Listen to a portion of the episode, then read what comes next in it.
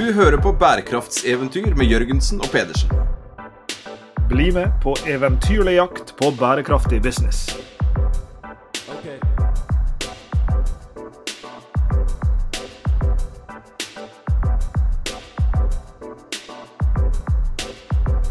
I denne episoden av Bærekraftseventyr så skal vi snakke om klimainvesteringer. Eh, og Vi har jo tidligere snakka om mange fasetter av bærekraftig finans i, i, tidligere episoder, men i dag er det altså klimainvesteringer som er fokus. Og hva er da bedre enn å invest, eh, ikke investere, det skulle vi gjerne gjort, men vi, eh, vi kan begynne med å invitere.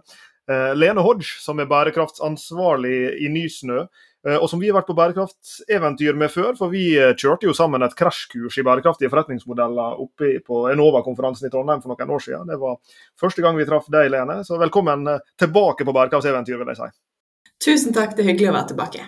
Hvor er det denne podkasten finner deg? I Stavanger, midt i sentrum. Og det er jo der Nysnø holder til. Og, og, dere har jo holdt på i noen år, og du starta vel i Nysnø i 2019, hvis jeg husker rett. Eh, og Dere skal altså drive med klimainvesteringer. og Før vi begynner å snakke om uh, Nysnø, og vi skal høre mye, mye om hva, dere gjør og hvordan dere jobber, men kanskje vi kan begynne med dette begrepet klimainvesteringer. Hva er egentlig en klimainvestering, og hvordan skiller den seg fra andre investeringer? Det er et veldig godt spørsmål. for De siste årene så har vi jo hørt om både klimainvesteringer og impact-investeringer og bærekraftig finans, og det å integrere ESG inn i, i hvor man plasserer pengene. Men sånn som Nysnø ser på en klimainvestering, så er det en, eh, et selskap som har en teknologi eller en forretningsmodell, eller begge deler, som bidrar til å redusere klimagassutslippene. Enten direkte, altså at det er en bedre produksjonslinje som, som kutter utslipp, eller indirekte gjennom at det er en forretningsmodell som gjør det mulig å velge noe eh, med mindre utslipp enn tidligere. Du er eh, Sustainability manager, er det, er det type bærekraftsansvarlig på norsk? Ja, det er det. Eh, å være bærekraftsansvarlig i et selskap som bare skal eh, investere klimavennlig, det høres jo veldig behagelig ut. Er det, er det, er det sånn type lange, ovale Vikner og, og, beina på bordet, eller er det hardt arbeid også i en sånn virksomhet? Det er, det, det er hardt arbeid av flere grunner. For det er altså Tar man utgangspunkt i, i, ESG, så finnes det veldig mange ESG-risikoer òg i klimateknologi. Og Det handler jo både om, om, råvarer og tilgang på de, men òg de sosiale forholdene eh, for nettopp eh, de råvarene. Så det er jo vi har jo investert i selskaper som òg har verdikjeder som de er avhengig av, eh, som, eh, som, har sine bærekraftsutfordringer. Og så ser vi òg at eh, klimaeffekt kan gå på bekostning av miljøeffekt. Så da står man jo i en, eh, i en krysstilling og må gjøre noen gode vurderinger eh, der. Og vi kan jo samtidig, sånn i innledningens ånd her, da, kanskje introdusere for, for de av lytterne våre som ikke er kjent med, med Nysnø. For Nysnø er ikke et Eh, nær sagt hvilken som helst type investeringsselskap. Det er jo, som det står, statens klimainvesteringsselskap. Så Kan ikke du dra den lille sånn eh, kortversjonen av eh, hva, hva, Nysnø er for noe, og hvorfor det finnes? Absolutt. Nysnø ble etablert i, i 2018, så vi har holdt på i eh, godt over tre år nå med å investere i, i, selskaper og fond. Vi har fått et mandat til å gjøre begge deler, nettopp selskaper og fond, for å bygge opp en kapitalbase eh, i Norge og for norske selskaper som skal ut internasjonalt. Eh, og skalere opp klimateknologi. Så det handler om, Nysnø handler om å bidra til en rask og effektiv skalering av, av klimateknologi gjennom klimainvesteringer, som vi var inne på tidligere. Og Vi investerer alltid sammen med andre, og vi skal heller ikke eie mer enn 49 eh, av et selskap. Så i snitt så, så ligger vår eierandel på 15-20% så tar inn både selskaper og fond. Eh, og vår innretning gjør jo at vi mobiliserer annen kapital inn i de rundene vi går inn i. Så for hver krone Nysnø investerer, så kommer det fem til. Og det er jo et veldig hyggelig tall, for vi vet jo at eh, i den fasen som de selskapene vi ser på skal hente kapital, så er det betydelig risiko. Det kan være teknologirisiko, markedsrisiko, økonomisk risiko. Og det å ha eh, et statlig klimafond med på laget som er kompetent og langsiktig og ambisiøst, oppfattes jo positivt. Kanskje jeg kan følge opp det. for Det du, det du beskriver er jo en slags sånn bjellesau-rolle på et vis. da, altså At dere mobiliserer på et vis annen kapital til å, til å, å, å hekte seg på, nær sagt. Eh, og, og, Dere har jo som statlig aktør noen kanskje muligheter til å opptre på andre måter enn andre investorer? Eller, eller kanskje er det bare en sånn signalverdi i at dere går foran. Hvordan tenker du, altså hvordan og i hvor stor grad er dere annerledes enn andre investorer, om du forstår hva jeg spør altså som, som følge av at dere er statlige? Det, vi oppfattes jo som, eh, og vi er, eh, langsiktig og, og, kompetent, vil jeg si. Men det gledelige er jo at det har kommet veldig mange andre spesialiserte klimainvestorer, særlig innen venturefasen, eh, på banen internasjonalt. Så det er, det er, absolutt muligheter for å hente ren privat kapital, man trenger ikke ha en statlig klimainvestor med seg. Men for et norsk selskap som skal, skal skalere ut fra Norge, så er det jo noen nettverkseffekter her eh, ved å ha med Nysnø på laget. Det er det absolutt. Et av de nyeste, eller den nyeste investeringen, hvis jeg, hvis jeg forstår det riktig, er eh, at dere har investert i fondet Verdane. Eh, Idun 1 med en eh, tidligere gjest her i, i podkasten, Erik Osmundsen, som er en av de to partnerne som skal være dedikert til å jobbe med, med Idun, denne porteføljen. Ta også Fortell litt om investeringen. Ja, det er veldig, veldig spennende investering. De har hentet eh, det som er et av Europas aller største venturefond for bærekraft. Så de jo, eh, Det fondet i seg selv er jo større enn hva, hva Nysnø er per dags dato. Og det er litt sånn vi liker å jobbe òg. Og eh, putte kapital inn i noe som kan bli større enn oss sjøl. Så dette er ikke den første fondsinvesteringen vi har gjort. Vi har òg investert i i andre fond med et, eh, med tydelig fokus på klimateknologi og bærekraft. Fordi man skal treffe ulike faser og ulike markeder. Og eh, Verdane eh, sitt eh, fond skal jo da gå inn i en senere fase, altså i en vekstfase, og fokusere på eh, energitransformasjonen og robuste eh, samfunn og òg bærekraftig forbruk. Så deres nedslagsfelt speiler Nysnø sitt investeringsunivers, åpenbart. Og så kommer de til å gjøre det i en senere fase. Så det er fantastisk spennende. Så det betyr at dere, dere, dere går inn og investerer eh, enten i fond eller eh, direkte i selskap. Så det betyr at dere har en portefølje da, med en del av, av denne type fondsinvesteringer. Og så, og så, går dere inn og, og vurderer selskap selv og, og, går inn med, hvis jeg skjønte riktig, ikke mer enn 15-20 eh, i, i hver av dem. Stemmer. Um, det gir jo en veldig positiv synergi for oss, fordi vi, vi har et tett samarbeid med fondet vi investerte i, som LP, og lærer vanvittig mye av hvordan de eh, tenker rundt bærekraft, men òg ser at vi kan eh, spille tilbake. Sånn tenker vi om, om klimareduksjoner og, og, hvordan ramme inn ESG. Så det er en toveis eh, læringskurve. Og det tar vi selvfølgelig med oss inn i eh, porteføljen vår av direkteinvesteringer, både når vi vurderer nye muligheter, men òg når vi når vi er eiere i, i eksisterende. Så det, det, er det jeg mener med at man skaper et, eh, et nettverk av kompetente klimainvestorer der ute. Ikke bare i Norge, men òg med nedslagsfelt i, i, Norden, Europa og, og, globalt. Når det gjelder de som dere investerer direkte i, du var jo allerede inne på at en viktig funksjon dere kan ha sånn sekundært, da, er at, at de eh, har også tiltrekker annen, annen, kapital. og Det er jo i seg selv selvfølgelig en, en verdi, da, kanskje spesielt for, for selskap som i utgangspunktet eh, altså ikke har kommet dit hen ennå at, at, de har vært et naturlig target for, for investorer.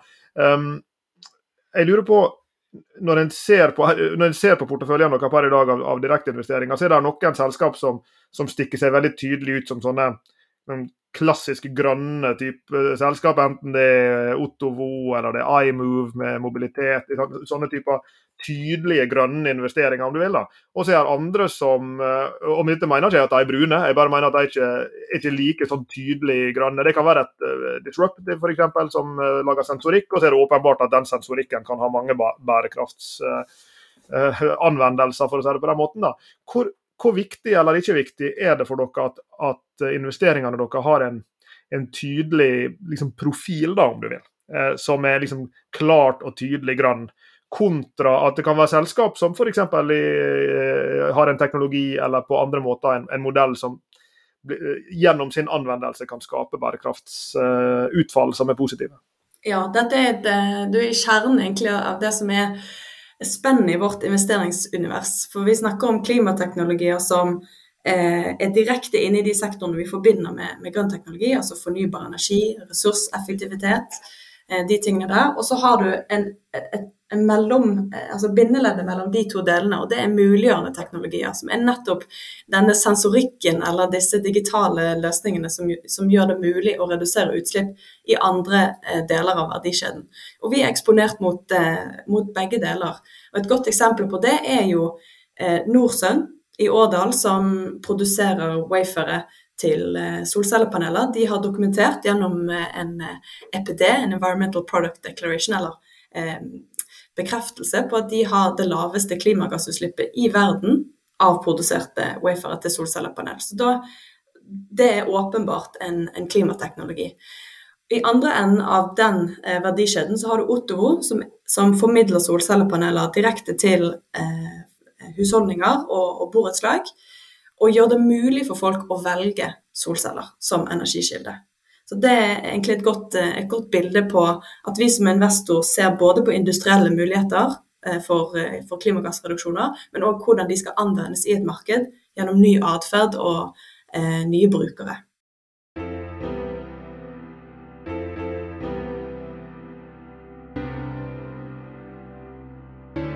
Det er mange mennesker i dette bærekraftsmiljøet og i, i bærekraftig business med, med, ulike bakgrunner. Og vi har jo mange unge studenter som, som, lytter til dette programmet. Og jeg skal ta en liten avstikker nå og snakke litt om deg, og spørre litt om deg. Eh, for det er jo mange som er nysgjerrig på hvilke veier finnes inn til å jobbe med dette her. Eh, og da tenker jeg både på utdanning og på de valgene som blir gjort eh, etter hvert. Eh, ta oss med litt tilbake til dine utdanningsvalg og, og, og, de jobbene du har hatt før du endte opp som eh, bærekraftsansvarlig i Nysnø. Det kan, jeg, det kan jeg selvfølgelig gjøre. Jeg eh, fullførte en, en, master i fornybar energi på NMBU på Ås. Eh, og når jeg da begynte å søke på jobber, dette er vel ti år siden, eh, så gikk jeg inn på finn.no og søkte på miljø og klima. Og da var det eh, miljøarbeider på omsorgssenter som kom opp. Eller så var det klima- og VVS-ingeniør eh, som kom opp. Så det, jeg tror tidene har forandret seg noe voldsomt for dette med å ta med eh, bærekraft inn i store og små virksomheter. Eh, Sjøl så var min første jobb i Miljøstiftelsen Bellona. Det var som skreddersydd for meg på den tiden for å kunne jobbe med energieffektivisering. Og det å forstå rammebetingelser eh, og vilkår for nettopp det å, å gjøre ting mer bærekraftig og redusere utslipp. Så det handlet mye om eh, klima, klimapolitikk og energipolitikk. Eh, som da fikk eh, skalert helt ned når jeg jobbet deltid i en oppstartsbedrift. Men der igjen så er man jo inne på en annen måte å tenke på. Altså sirkulære forretningsmodeller. Hvordan bygger man det? Hva trengs for det? Hvilke aktører må du knytte til deg der? Og da eh, handler det mer om at eh, ja, F.eks. innen sirkulærøkonomi, man er helt avhengig av god logistikkhåndtering og gode fraktmuligheter for å nettopp tilgjengeliggjøre de ressursene vi vil skal gå i et evig omløp. Og Da eh, er man jo avhengig av at de aktører som, eh, som driver med det, òg har tenkt på sitt bærekraftsarbeid. Så det, det, det, er et viktig møte. Og så var det tilbake igjen til rammebetingelser, men på andre siden av bordet, i Norges vassdrags- og energidirektorat, med et fokus på eh, EU sin energipolitikk og virkninger for Norge før, før Nysnø. Så oppsummert så kan veien fram til et bærekraftsarbeid være mangfoldig, absolutt. Eh, jeg tror det er enda tydeligere nå hva virksomheter etterspør innenfor bærekraft, for de har òg fått puttet denne, dette inn i egne strategier og målsetninger for selskapet. Altså, de skal gå i netto null, de skal være transparente, de skal, eh, gjerne de skal eh, komme til topps i noen kåringer. De skal være EU-taksonomi eh, aligned, som det heter. De skal håndtere klimarisiko. Alt dette her representerer jo et vell av fagfelt innenfor bærekraft. Og Det er jo fristende å, å følge opp da rundt rolla som bærekraftsansvarlig. Vi, vi, jobber på et institutt for regnskap, revisjon og rettsvitenskap, som det heter på fint. Og, og Der har mine revisjonskollegaer lært meg at den viktigste egenskapen til en revisor er at en revisor skal være skeptisk. Profesjonelt skeptisk. Hva er de viktigste egenskapene til en god bærekraftsansvarlig? Det, det er litt sånn urettferdig spørsmål, for det er selvfølgelig mange ulike roller i mange ulike bransjer og bedrifter. og sånn, men, men, sånn generelt, hva er det en bærekraftsansvarlig må være god på? sånn du ser Det Det er et kjempegodt spørsmål. Eh, jeg er helt enig i at en, en god bærekraftsansvarlig òg er profesjonelt skeptisk, eh, men òg følger opp med, med, å begrunne den skepsisen og komme med forslag til hvordan det som egentlig da er risiko, hvordan det kan, det kan håndteres. Også en god bærekraftsansvarlig vil jo samarbeide med, med andre aktører eksternt, men òg internt. Så det å samarbeide med en økonomiansvarlig eller regnskapssjef er jo helt avgjørende. For det vi ser, er jo at bærekraft går fra å være eh, et kommunikasjonsfaglig arbeid, eller at man beskriver det kvalitativt, til å handle om tall og måling og rapportering. Og hvem bedre enn de som kan dette fra før, eh, til å ta med i den prosessen. Og så ser vi òg at bærekraft går fra å være frivillig til å bli lovpålagt. Og Da kommer vi jo inn på dette med compliance og det å ha en forståelse for, eh, for jussen oppi dette, og, og samarbeide med, med, de som kan dette. Så en, en god bærekraftsansvarlig evner da å bygge bro mellom eh, fagområder, vil jeg si. Hvis du ser på, på porteføljen nå da, i, i Nysnø, både med fond og direkte investeringer, og, og, og ser på den kalle reisen av sånn utdanning og, og, erfaringsmessig, samtidig som du beskriver uh, de utviklingstrekkene som har skjedd regulatorisk f.eks. Uh, underveis her. Um, jobber du og dere tett med disse selskapene, altså tett med enten fondene uh, som dere investerer i, eller direkte i selskapene? Og hvilke typer roller er det dere da har? Er dere uformelle sparingspartnere, eller går dere inn i, i styret? Og, og, hvordan oppleves det da, med din bakgrunn, siden vi har deg på besøk, å, å jobbe med dem? En av Nysnø sine styrker er at vi kombinerer eh, ingeniørfaglig kompetanse med økonomisk, altså finansiell kompetanse, og, og meg på, på, bærekraft. Og Siri er jo òg eh, veldig dyktig på klimameteorologi. Så vi er både uformell sparringspartner, men vi sitter òg i styrer. De investeringsansvarlige hos oss eh, har, eh, har, styreposisjoner i, i, ulike selskaper. Og eh, når vi er investert i fond, så sitter vi i sånn eh, rundebord, eller LPAC heter det, for, eh, for, fond. Så vi er tilgjengelig for både selskapene vi har investert i, og fondene. Og det er både formelt nivå og uformelt nivå. Og det vi ser er jo ting som EU-taksonomien eller forhold til klimarisiko har reist noen nye spørsmål. Og det betyr at eh, man er på søken etter nye svar, nye måter å gjøre ting på. Og da eh, kan vi eh, bl.a. spare med porteføljeselskapene på dette. Du er inne på her noe med, med, det som også handler om kompetansen dere har i, i, i teamet, og, og, som, som selvsagt, som seg hør og bør i et klimainvesteringsselskap, er spissa mot klima. Og så er jo klima et interessant dyr som, som Sveinung har, har, vært eh, glad i å trekke fram i flere samtaler i det siste. Bl.a. hvordan klima forholder seg til andre bærekraftstema, om du vil. Du nevnte sirkulærøkonomien, Lena. og det er klart at, at gode sirkulære løsninger kan ofte ha klimautslippsimplikasjoner. På samme måten så er det vel eh, sammenhenger mellom eh, biodiversitet og klima som eh, er langt over min paygrade å mene noe om, men jeg skjønte at de er der. Hvordan og i, og i hvor stor grad eventuelt er dere også på utkikk etter andre sånne Kall det ting som du ikke nødvendigvis vil først og fremst klassifisere som en klimainvestering, da, men kanskje en sirkulær investering eller en investering i eh, naturmangfold, eller hva det måtte være, som har klimaimplikasjoner. Er det også en prioritet for dere? Er det noe dere jobber eksplisitt med? Ja, vi, eh, vi jobber med både sirkulære forretningsmodeller og eh, dette med å forstå naturrisiko bedre og klimarisiko bedre. Så Det er jo teknologiske løsninger som må på plass for, for at vi skal kunne kanskje varsle klimaeffekten, eh, ha bedre kontroll med eh, klimaendringene sånn som de skjer. For dette er jo et av de varmeste årene hittil, enda et sånt et år. Og det er klart at det, det preger òg måten finansielle aktører tilnærmer seg sine, sine, verdier på. Altså er man utsatt for en høy CO2-pris framover fordi man er utslippsintensiv, eller er man utsatt for stormflo fordi man er lokalisert i et sånt område, men òg hvilke forretningsmuligheter kommer ut ifra det. Så det, det er absolutt noe vi, vi ser på.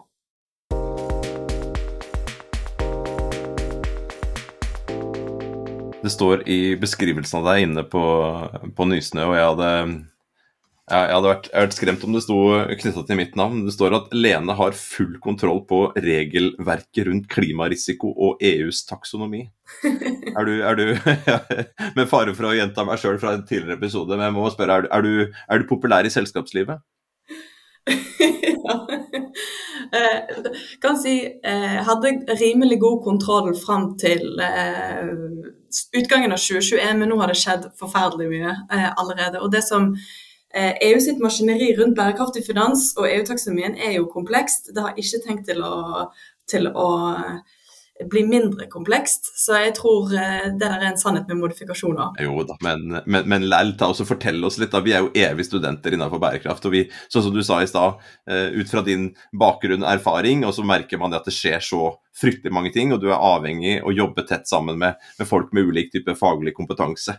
Så, og du trenger ikke å, være, trenger ikke å, å leke full kontroll. Altså, bare, og, jeg, og, jeg, og, jeg og, jeg, stoler på at du har det, liksom. Men, men fortell eh, oss og, lytterne våre hva er det som rører seg. da? Altså, vi vet eh, Folk slenger rundt seg med disse begrepene eh, hele tiden om dagen og bruker det som argumenter for at jo, nå er det endringer i EUs taksonomi, så nå må alle bedrifter sånn og sånn, og, og, og klimarisikoen må ikke sant? At Det er så mange sånne type ting som, som skjer rundt deg. Så, hvis du skulle dratt liksom for en, en, en lekmann, da, altså, altså meg um, hva, hva, hva, er dette her? Hva, er, hva, ligger i disse begrepene eh, klimarisiko og EUs taksonomi, og, og, hvorfor skal vi bry oss om dem, enten som, som kunder eller samfunnsborgere eller uh, investorer, hvis, hvis vi er så heldige å være det?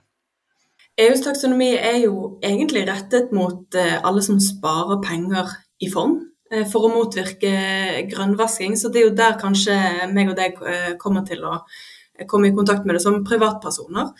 Det skal gjøre bærekraft målbart og tallfestet. Det er på en måte hovedhensikten. Og så skal det hjelpe EU med å nå sine overordnede klima- og miljømål. Og når dette først ble jobbet med i en såkalt teknisk ekspertgruppe i 2018, så fikk det ikke på langt nær den eh, oppmerksomheten som det har fått i dag. Men det som har skjedd eh, parallelt, er jo at EU har økt sine klimaambisjoner fra 40 til minst 55% og da har man sett ok, her kommer det et kapitalgap. Et betydelig kapitalgap hvis vi skal klare å nå de eh, målsetningene. Så i tillegg til å putte offentlig finansiering på bordet, så må det mobilisere privat kapital. De må vite hva han driver med, sagt veldig enkelt. Så EUs taksonomi er jo et forsøk på å fortelle investorer og de som sparer og eh, banker, hva det er som gjør at noe er bærekraftig eller ikke. Og innenfor eh, EUs taksonomi så det handler ikke bare om klima, selv om det er det vi har eh, diskutert eh, i 2020 og 2021, men det er faktisk seks forskjellige miljømål så de går både på å redusere klimagassutslippene, øke klimatilpasningen, bidra til sirkulærøkonomien, eh, bidra til forsvarlig eh, håndtering av vannressursene og bidra til mindre forurensning. Og så, man, eh, så er det noen tekniske kriterier man skal oppfylle her.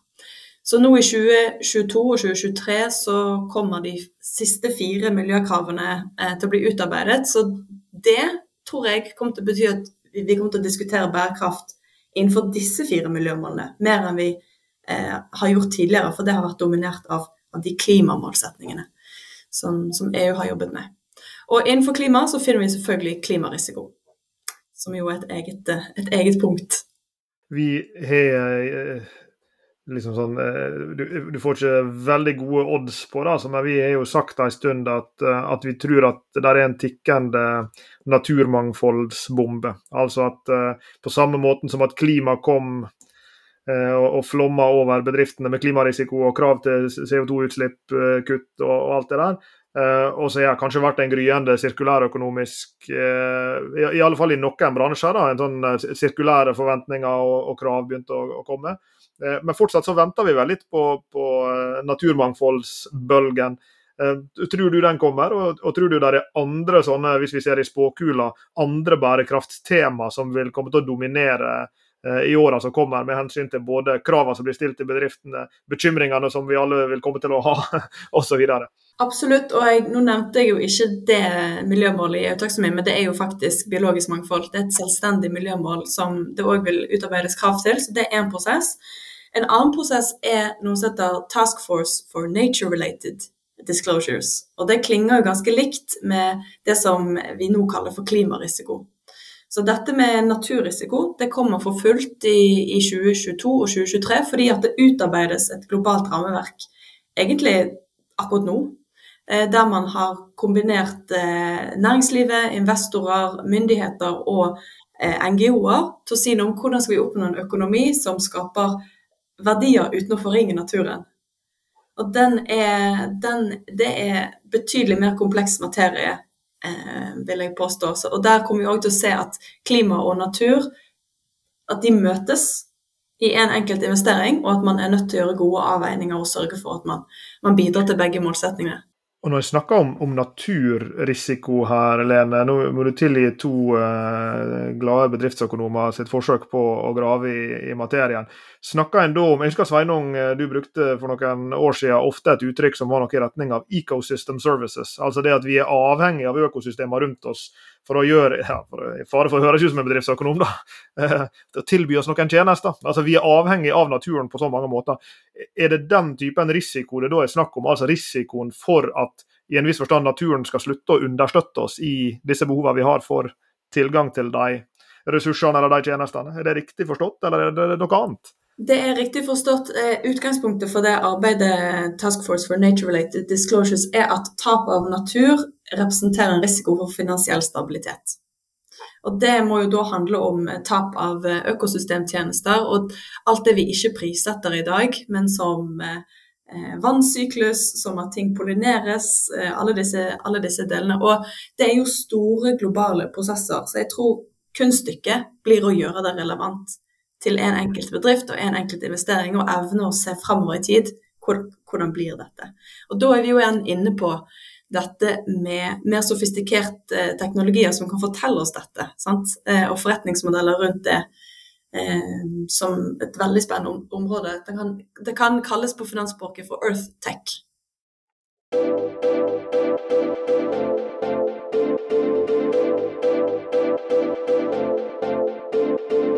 Hvis vi prøver å løfte blikket litt her, er det, er det grunn til optimisme?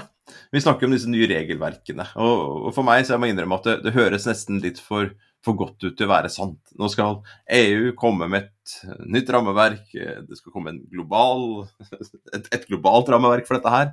Og så skal vi styres mot mer biodiversitet, og vi skal løse klimakrisen, og vi skal ta tak i de sosiale problemene, og alt dette skal løses gjennom markedet og investeringer. Så på en side så er jeg litt sånn tung og litt sånn deprimert eh, på ett vis. Og du sier det selv også, det har vært det varmeste året. Eh, som vi vet om. Eh, I hvert fall på lenge. Og så, og så på andre siden, da, er det grunn til optimisme, og, og, i så fall eh, hvorfor? Det er grunn til optimisme fordi altså, det overordnede svaret er vi, vi har laget dette problemet, så vi kan løse det. Det er egentlig det overordnede svaret på det. Eh, og så er det jo Man skal ikke undervurdere hva mennesker kan få til eh, for å løse problemer med kreativitet og samarbeid og, og nytenkning. Og jeg ser jo det at eh, det er ikke bare i, i Norge og i Europa at, at regelverk er en driver for endring. Ser òg i USA at klimateknologi henter mer kapital enn noen gang tidligere.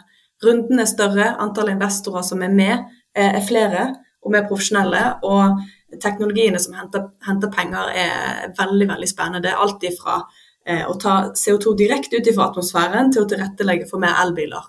Så man tenker klima systematisk inn i investeringsvirksomheten. Og så er jeg helt enig med deg at det, det vil kreve litt arbeid å få inn f.eks. tap av biomangfold og, og, natur inn i samme tenkemåten. Men eh, håper og tror at vi, at vi skal komme dit. Det var en sånn gjenganger i, i, i, mange diskusjoner, denne stakkars elefanten som alltid skal inn i dette rommet. En sånn der, i enhver Han hadde travelt, den elefanten. Han hadde fryktelig travelt. Stakkars elefanten som skal trekkes i dette rommet. For det er sånn der, Vi må snakke om elefanten i rommet, og det er jo forbruket. Ikke sant? Altså Forbruket må ned. Og så, så tenker jeg da, litt den pessimistiske siden, alt jeg har lyst på.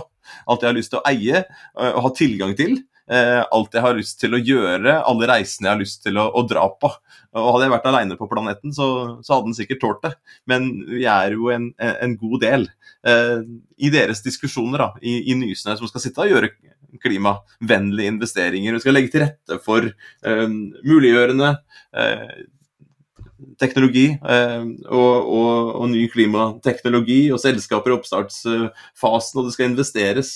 Eh, hvilke diskusjoner har dere omkring denne elefanten, av dette, dette, forbruket? Det er jo eh, Altså den 10% rikeste delen av verden står for en betydelig andel av, eh, av totale klimagassutslipp. Så det å se på endrede forbruksvaner eh, men òg snakke om hvordan man skal redusere utslipp i, i nettopp oss, hos oss som, som, har det best, det er ganske viktig. Og så er jo spørsmålet hvordan få til det.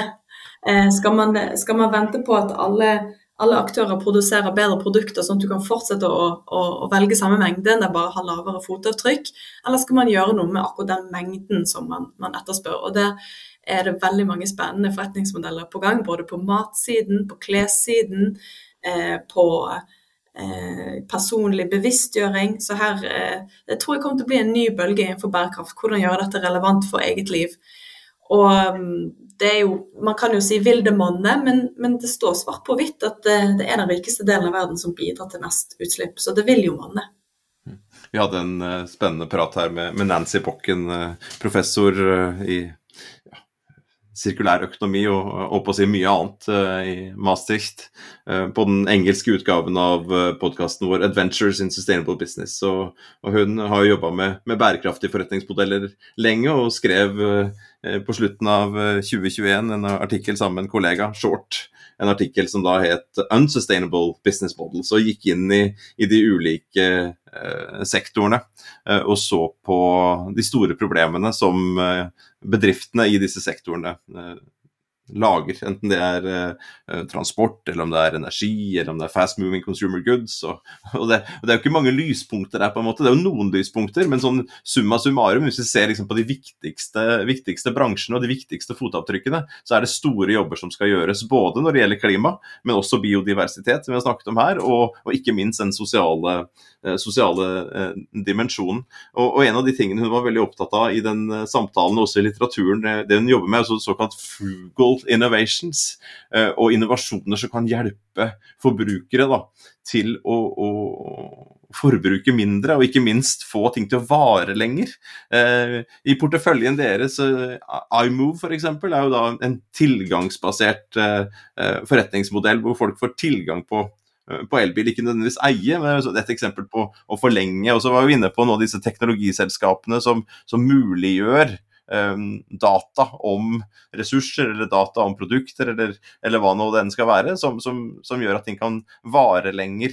Um, har dere andre selskaper, har du noen andre eksempler, eller har dere noe i kikkerten? Trenger ikke å gå på akkurat på, på hvilket selskap, men sånn, noen selskaper som, som, jobber med den, eh, den dimensjonen der? Er, du finner nok elementer av det i, i hele porteføljen vår, men eh, Senate produserer jo nanosilisium til elbilbatterier. Så det er jo eh, og, og, Når man bruker nanosilisium og reduserer mengden grafitt, så får man òg ned eh, klimagassutslippene. Men det bidrar òg til å øke levetiden til batteriet. Så Det er jo ett eksempel på liksom en industriell, kanskje en industriell frugal innovation, altså kombinert med iMove, som, som øker tilgangen til til bil uten at du må eie en bil sjøl. Det er jo ett eksempel. Men det var, et, eh, det var, et, nytt begrep og veldig spennende begrep. Og jeg tenker at eh, det må jo være en kombinasjon av at eh, forbrukere, men òg eh, innbyggere, stiller høyere krav til eh, levetiden til produkter. At det er en kombinasjon av en, en regulatorisk drivkraft her, eh, og en markedsmessig drivkraft i at man ønsker, man ønsker å ha en mobiltelefon lengst mulig, eller bytte den inn. Eh, sånne type ting. Så det, en, eh, det, det handler òg om at man skal investere i noe som, som, har drahjelp fra kjøpere og fra de som regulerer dette. Og da tenker jeg noe av de store dilemmaene våre da, som jobber med bærekraftig business, trer, trer, frem. På en måte så skulle jeg personlig og faglig ønske at eh, alle disse problemene kunne løses gjennom, gjennom, forretningsmodeller. Og at vi kunne forbruke som før, ikke sant. Eh, på den annen side så, så, så hvordan skal vi gjøre det? Hvordan ser disse forretningsmodellene ut, og, og hvilke, hvilke, endringer må virkelig til da, for å løse disse reelle problemene? Eh, vi, vi, bruker jo ofte det bildet med forretningsmodellen i midten og disse vakre bærekraftsmålene rundt. og så minner vi oss selv og andre på at bak hver av disse målene så er det noen skikkelige, skitne, sammensatte problemer. Når det står livet under vann, ja, så betyr det at det er virkelig store problemer knytta til livet under vann. Når det står klima, ja, så er det sånn eh, Vi beveger oss mot et eh, ja, såkalt tipping point, da, hvor vi, vi, er litt sånn spent på hva som skjer når det, når det bikker et eh, visst nivå. Um, Uh, og jeg, jeg, jeg, jeg, reflekterer litt høyt rundt det opp mot dere, da, dette viktige initiativet uh, Nysnø, og, som, som, da står liksom på barrikadene og sier ok, vi skal ta de investeringene, vi skal finne de selskapene. Vi skal tørre å si det høyt, at dette her er klimainvesteringer. Uh, og med, med, klima da som mora til alle problemer, på en måte. For det, det er vevd inn i så mange andre ting. Så er jeg, sånn, jeg er sånn ekte nysgjerrig på, på, på hva dere tenker rundt, uh, rundt det, og hvordan dere håndterer det. Det vi har tenkt en del på er jo når vi gjennomfører en investering, altså når vi tar en investeringsbeslutning, hvor sikre er vi på at dette bidrar til klimagassreduksjoner hvert år fram til ja, la oss si 2030, da, når vi vet at utslippene må minst være halvert. Og vi samarbeider med, med flere andre investorer som, som, klør seg i hodet og lurer på det samme. fordi dette med å, å framskrive klimagassreduksjoner er et nytt felt. Eh, men det skal brukes til å gjøre eh, investeringsbeslutninger i dag mer robuste. Så det, det, er, det er, noe vi jobber med om unngåtte utslipp. Og, og, målet er jo at det skal være en så tydelig eh, parameter som mulig inn i våre investeringsbeslutninger, på lik linje med de andre kriteriene vi har. Så det er ett eksempel på Og jeg tror det å, å være en investor som om det er bærekraft eller impact eller, eller klima man skal jobbe med, så det forplikter en det forplikter en i dag man skal, hvordan man skal bidra til å nå de større målsetningene der framme. Man må ha tenkt igjennom det. Eh, og så tror jeg at akkurat i 2021 og 2022 så er man kollektivt innenfor særlig venturebransjen og deler av finansbransjen i en startfase med å virkelig få konkretisert ja, hvor er det vi vil. Eh, og der er EUs taksonomi åpenbart en driver, fordi det går fra å være noe frivillig til å være lovpålagt.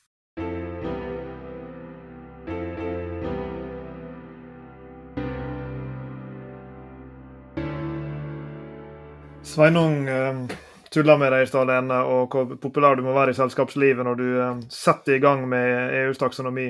Og jeg og Sveinung er jo åpenbart virkelig populære, for han har jo allerede dratt eh, Bokken og Shorts eh, Journal of Cleaner Production her. Og jeg skal nå fleske til med en artikkel fra januarnummeret av regnskapstidsskriftet Accounting Review, som jeg ble sittende og kikke på i går. Så du skjønner at på enhver fest så er vi hjertet i festen og ligger oppå eh, flygelet og, og, og forteller om, om innsikter fra den nye regnskapslitteraturen. Men, men denne artikkelen er skrevet bl.a. av George Sarafaim, som er jo en, en liten stjerne på bærekraftsfeltet med, med mange studier eh, om, om, eh, ja, for så vidt både bærekraftsriktig forholde seg til, til, finans og til regnskap og til strategi. Um, og I denne, i denne artikkelen som, som, heter 'Why is corporate virtue in the eye of the beholder?' spørsmålstegn, 'The case of ESG ratings', så tar de for seg dette problemet med å rate selskap med hensyn til ESG. Eh, og så tar, tar de utgangspunkt i dette her at det blir jo mer og mer informasjon. Altså Det blir mer og mer disclosure. Jeg husker jeg og Sveinung var og hørte på hun eh, Kirsten Margrethe Hovi heter hun vel, som er sjef for bærekraftsrapportering, og, eller ikke-finansiell rapportering i Norsk Hydro. Eh, når hun snakker til eh, studentene våre på eksekutivprogrammet i bærekraftig finansiell analyse, som er jo finansanalytikere og porteføljeforvaltere. Og da sa hun, jeg tror Sveinung har sitert henne på det før her, eh, kommer Norsk Hydro sin bærekraftsrapport til å bli kortere? Nei, han kommer til å bli lengre. Eh, og, og, det er jo det nær sagt, det, det, er jo den sannheten, eh, det faktumet eh, Sarah og kollegaene tar utgangspunkt i her, at ESG disclosure blir mer og mer omfattende. Og når det blir mer og mer omfattende, da er det mer og mer informasjon å forholde seg til. Og det er flere og flere nær sagt, ikke nødvendigvis feilvurderinger, men altså, blir, du blir jo overbelasta som en investor som skal sitte og kverne gjennom informasjon, jo mer informasjon der er. Det blir enda mer krevende å sortere ut det mest vesentlige, for å bruke det begrepet, og, og make sense av liksom hvilke ting er det vi burde bry oss om og ikke bry oss om her.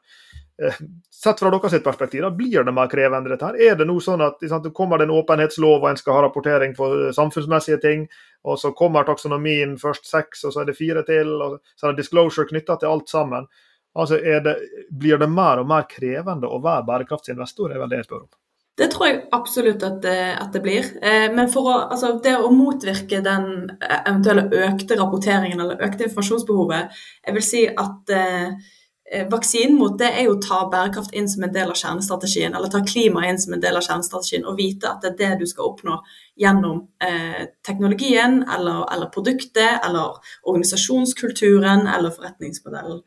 Eh, og så kan man jo fortelle, fortelle omverdenen om hvordan man gjør det i henhold til de reglene som kommer. Men jeg vil si at eh, jo tettere knyttet til kjernevirksomheten bærekraften er, jo kanskje jo mindre må man utbrodere om det som, en, som en, en et parallelt løp av det man, eh, man, ellers driver med. Og Nysnø er jo i den hellige situasjonen at det er vårt fokus. Vi, vi fokuserer direkte på selskaper som, som, bidrar til reduserte klimagassutslipp per definisjon. Så vi, eh, vi kan ha det selskapet fokuset der. Men vi ser jo òg at det blir mer komplekst å være en, en investor i eh, i en, et marked der man skal ta inn over seg klimarisiko, naturrisiko, eh, vesentlighetsanalyser av, eh, av verdikjeden bl.a. Eh, åpenhetsloven som kommer, dette med menneskerettigheter. Det er Men igjen, tilbake til det jeg sa tidligere, disse, disse målsetningene, denne verden vi, vi skal oppnå, den forplikter i dag. Så det er egentlig bare å, å omfavne det å være læringsvillig. Og dere spurte tidligere hva er en god kvalitet hos en bærekraftsansvarlig, og jeg vil jo òg si at det å være villig til å lære om alle disse nye eh, begrepene og rammeverkene som, eh, som, utvilsomt kommer flere og flere av. Vi snakker jo med mange, vi som eh, ønsker å gjøre bedre klimavalg, som ønsker å gjøre mer bærekraftige valg. Eh, vi snakker ikke med så mange som sitter som bærekraftsansvarlig i et investeringsfond, og som har mulighet til å gjøre det gjennom, gjennom det arbeidet der. Eh, men vi, som sagt, vi snakker jo med mange som, som på ulike måter har som er bærekraftsansvarlig i sine egne liv, da, eh, for å si det sånn. Eh, med din bakgrunn, ditt blikk og, og erfaring fra, fra Nysnø og, og, og, andre settinger, hvilke råd vil du gi oss, da? Enten vi har lyst til å spare til pensjon, altså sånn å være sånn litt sånn mini-investor, eller om vi skal være konsumenter. på en måte en, en investor, i hvert fall bærekraftsansvarlig da, skal gjøre noen valg når vi skal, skal, skal handle noe. Eh, eller som medarbeider i en virksomhet. Eh, om det er noen overføringsverdier fra liksom, dette institusjonelle Sånn som du sier nå, det er så mange ting å sette seg inn i eh, for, en, for, en, institusjonell investor, eller en investor. Og så er det jo det også da for, for, for si, borgerne. Er det, noe, er det noe råd du kan gi til de som ønsker å være bærekraftsansvarlige i egne liv? Et overordnet eh, spørsmål man kan stille seg når man, man, står overfor valg om hvor plassere sparepengene, eller hva man skal kjøpe, eller, eller hvor man skal jobbe, så er det har jeg troen på dette? Kommer, er dette en del av løsningen på vei til 2025, 2030, 2035? Kjenner jeg at dette eh, samsvarer med den verden jeg har lyst til å være med til å skape? Og så kan man jo få noen hjelpemidler på veien. Sant? Innenfor fondssparing så vil jo fond bli merket med om de er artikkel 8 eller artikkel 9, eh, og kan sies å være lysegrønn eller mørkegrønn i henhold til EUs taksonomi. Man kan gjøre ganske mye undersøkelser av en bedrift for å se hvor bærekraftig er de egentlig hvis man vurderer å jobbe der. Og etter hvert år så kommer det jo bedre merkeordninger på, på, produkter. Men når man skal navigere i all den informasjonen, så er det jo åpenbart eh, å tenke, tenke gjennom er dette noe jeg tror på. Et lite um, sidespørsmål til ting vi har vært innom tidligere i samtalen, uh, Lene som, som handler om, om, hvor en finner de grønne løsningene hen. Eh, det har vært en samtale i det siste, og som, som vi også har plukka opp her i denne serien, om liksom, de grønne løsningene som blir født i de brune virksomhetene.